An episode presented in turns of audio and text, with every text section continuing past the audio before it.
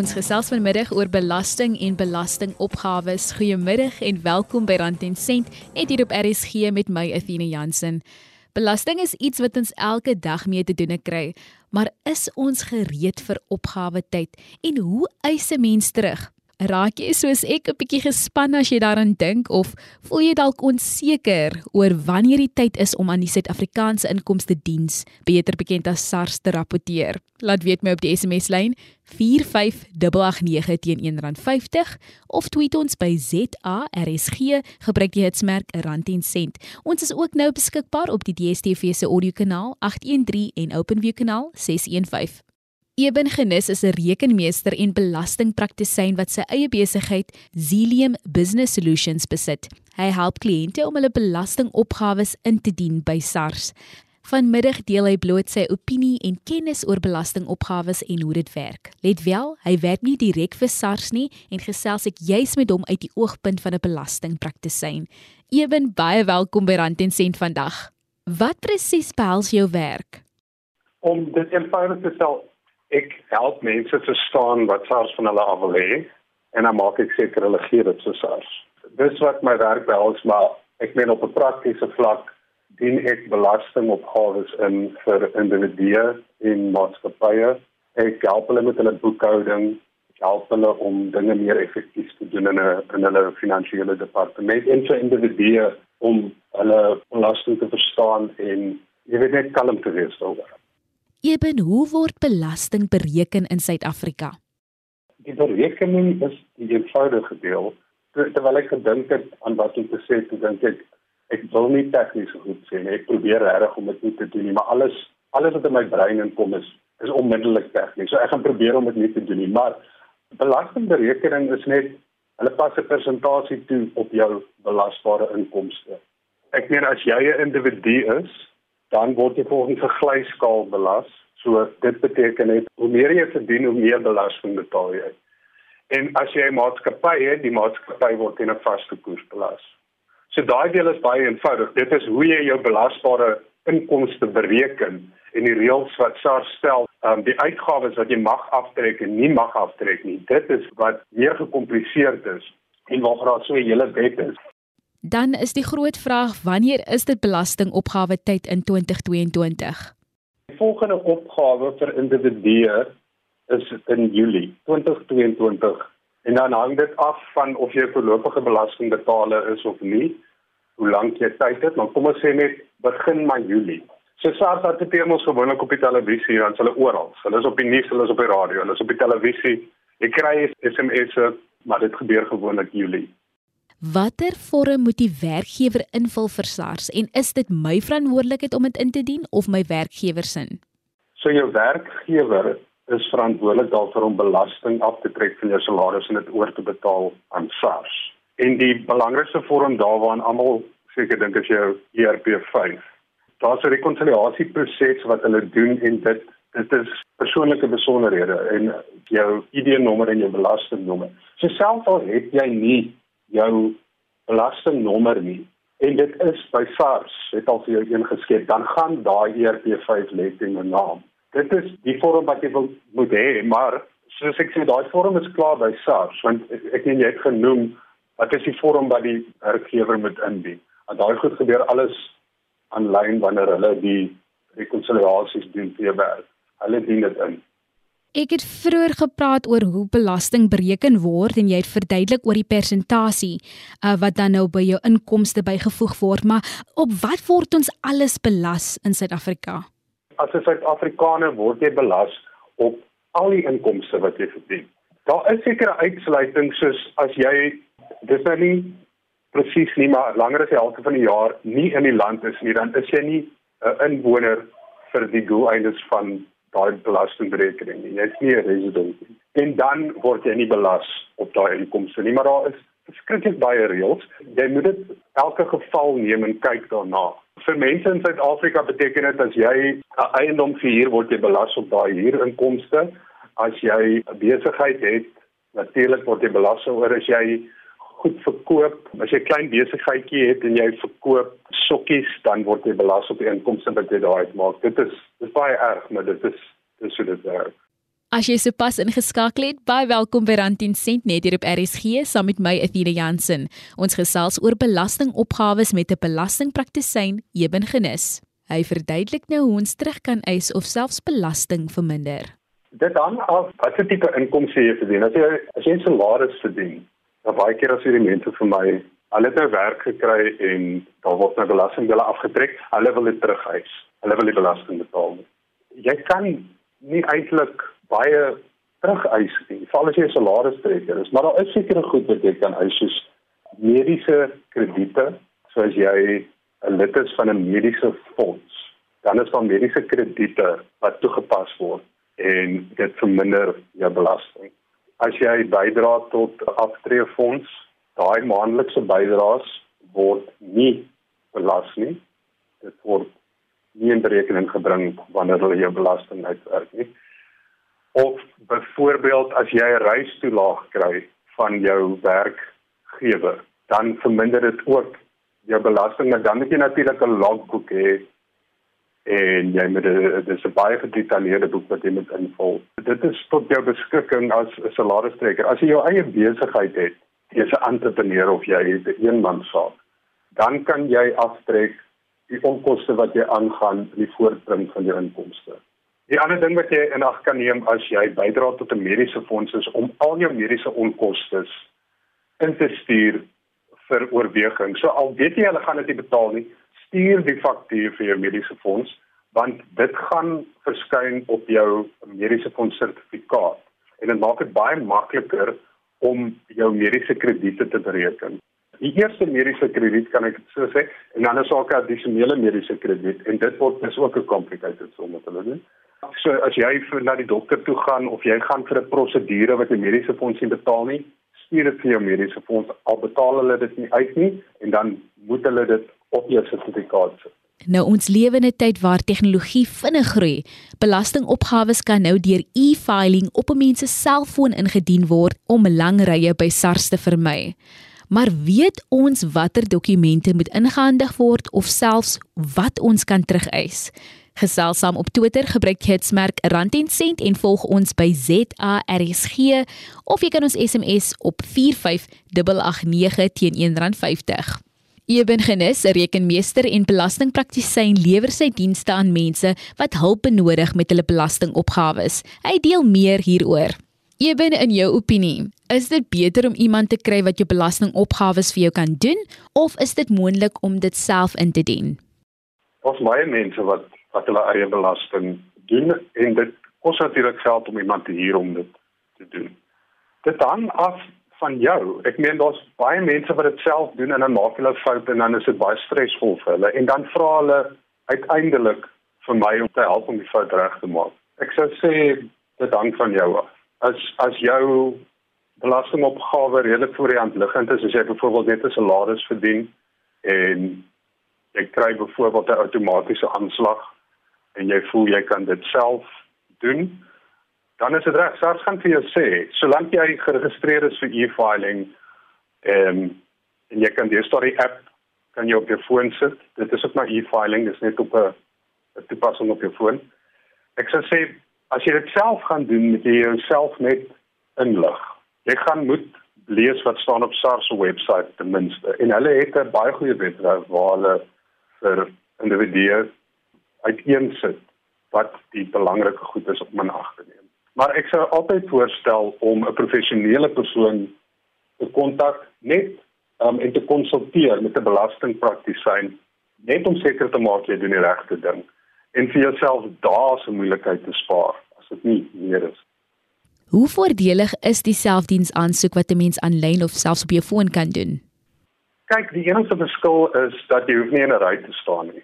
Die e-filing is nog altyd beskikbaar vir mense want SARS probeer dit vir mense makliker maak om hulle belasting in te dien. Ek meen hulle gee selfs vir jou outomatiese aanslag. En as jy niks staan doen nie dan dan, dan aanvaar hulle dit vir reg. Sover ek weet.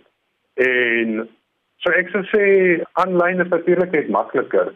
Die ding is dit gaan nie net oor selfdiens of aanlyn nie. Dit gaan oor jy moet net jy moet net verstaan wat jy doen as jy dit self gaan doen. Hoe werk belastingopgawes vir diegene wat vryskutwerkers is of nie permanent werk nie? Ek kyk baie akteurs is in daai posisie. Hulle word nie noodwendig permanent in diens geneem nie, maar hulle daar word tog belasting van hulle faktuur afgetrek. Hulle noem dit nie standaard in diensneming en dan betaal hulle nog steeds LBS en dan weet hulle nog aan minder geld in hulle rekening wees. En dit is ook um vereistes wat SARS vir die maatskappy vir wie jy werk stel. So jy word geag om in diens te wees vir daai werk wat jy doen. Vryskut mense, daar's nie eintlik 'n verskil in in hoe hulle belastingopgawes werk nie. Dit hang af of jy voorlopige belasting moet betaal. Ek kyk as jy as jou iemand vir jou die belasting oorbetaal namens jou aan SARS, dan is jou dan word jou belastingverpligting nagekom. So dis dis slegs wanneer vryskut mense byvoorbeeld werk doen waar hulle iemand anders faktureer wat nie belasting namens hulle gaan betaal nie. In my ervaring is dit gewoonlik waar die probleem inkom. So daai persoon trek nie vir jou belasting af nie en jy moet self die belasting betaal. Dan kom jy aan die einde van die belastingjaar en of jy kom by jou opgawe en jy dien jou opgawe in. Dis mos ons nou in Julie 2022. Dan moet jy jou belasting indien. Nou tel jy al jou fakture bymekaar en jy dien dit in. En SARS sê maar ons het nie rekord van dat jy hierdie inkomste betaal het as deel van jou voorlopige opgawe nie. So ons gaan nou vir jou boete gee. En dan is party mense geskok dat dit so werk. So my advies sou wees konsulteer met iemand vind uit of jy aanspreeklik is vir voorlopige belasting. Dit hang af van hoe jy jou geld verdien. Jy ben jy moet vir my reg help Indien ek wil terugeis vir my brandstof van ons weet hoe ongelooflik duur dit is op die oomblik, moet ek elke kwitansie of slippie hou en dan indien. Hoe hoe werk dit? As jy jou eie besigheid het, dan kan jy jou jou reisonkoste nou eis, want dit is in die voortbring van jou inkomste. So dit dan altyd af as jy as jy 'n individu het jy werk, verdien jy 'n salaris of as jy 'n eenmansaak Die reëls is altyd anders vir mense wat 'n salaris kry. En dan is daar nog by mense wat so iemand werk is daar verskil tussen kry jy 'n kommissie, kry jy kommissie inkomste of met ander woorde is jou inkomste is veranderlik hang af van hoe jy presteer of kry jy net 'n vaste maandelikse salaris. Ek dink om dit eenvoudig te hou, jy moet 'n logboek voorberei. En dit is detail byvoorbeeld elke keer as jy reis na plek toe vir werk, moet jy dit aanteken. Jy moet elke elke keer as jy reis moet jy dit aanteken. Jy weet elke trip. So jy moet jou openings en sluitingskilometers hê. Eers daar moet jy sê hulle moet jy ook sê wat is jou rede vir die reis en jy moet 'n kontakpersoon hê. So dit is 'n administratiewe nagmerrie vir mense wat 'n reistoelaag wil eis. As jy 'n salaris kry en jy wil 'n reistoelaag eis, so jy begin by slippies, maar ons is nou by 'n reistoelaag. Dan moet hulle 'n aparte kode op jou ERP5 gebruik sodat jy jou eis met 'n logboek daarteen kan insit as deel van jou opgawe. So dit raak regtig belangrik as iemand jou belasting doen sal hulle vir jou sê jy moet 'n logboek hê hulle sal vir jou sê om dit te doen. As jy nie daai logboek indien nie, dan gaan jy wel meer belasting betaal vir kos af. In watter geval skuld ons vir SARS? So dit hang af wat jy uh, bedoel met skuld vir SARS. Ek meen hulle kan 'n rekening hê vir agterstallige belasting. Dan is dit belangrik dat jy op 'n belastingpraktisyn het wat jou belasting vir jou waarborg of jy het jou hulle het jou kontakbesonderhede en jy's op e-filing geregistreer sodat hulle jou in die hande kan kry. Wat gewoonlik die gevalle waar jy vir SARS geld sal skuld as ek dit kan interpreteer as wanneer jy onderbetaal belasting wat jy nog nie jou belasting betaal het of jy moet belasting betaal maar jy weet nie daarvan nie. So byvoorbeeld, um, ek het nou net genoem van die reistoelaag. Nou as jy jou werkgewer pas 'n uh, spesifieke koers toe op daai deel van jou inkomste. Dis is eintlik 'n belastingvoordeel vir jou. Jy betaal minder belasting op daai reistoelaag wat jy kry elke maand. Maar dan verwag SARS van jou om wanneer jy 'n opgawe indien, jou logboek in te dien vir daai reistoelaag om om vir hulle te ondersteun dat daai belasting aftrekking wat jy kry geldig is. As jy dan nie 'n logboek indien nie, dan gaan hulle daai belasting terugtel en dan moet jy die belasting betaal. Ek weet van 'n geval waar waar dit gebeur het, dit is 'n baie ou opgawe. Sê maar jy gaan nou 10 jaar terug het jy nou die reistoelaag ontvang en dit SARS gesê wat jou opgawe is uitstaande en baie mense weet nie hulle moet 'n opgawe indien nie want ek meen hulle kry dan 'n salaris, jy weet.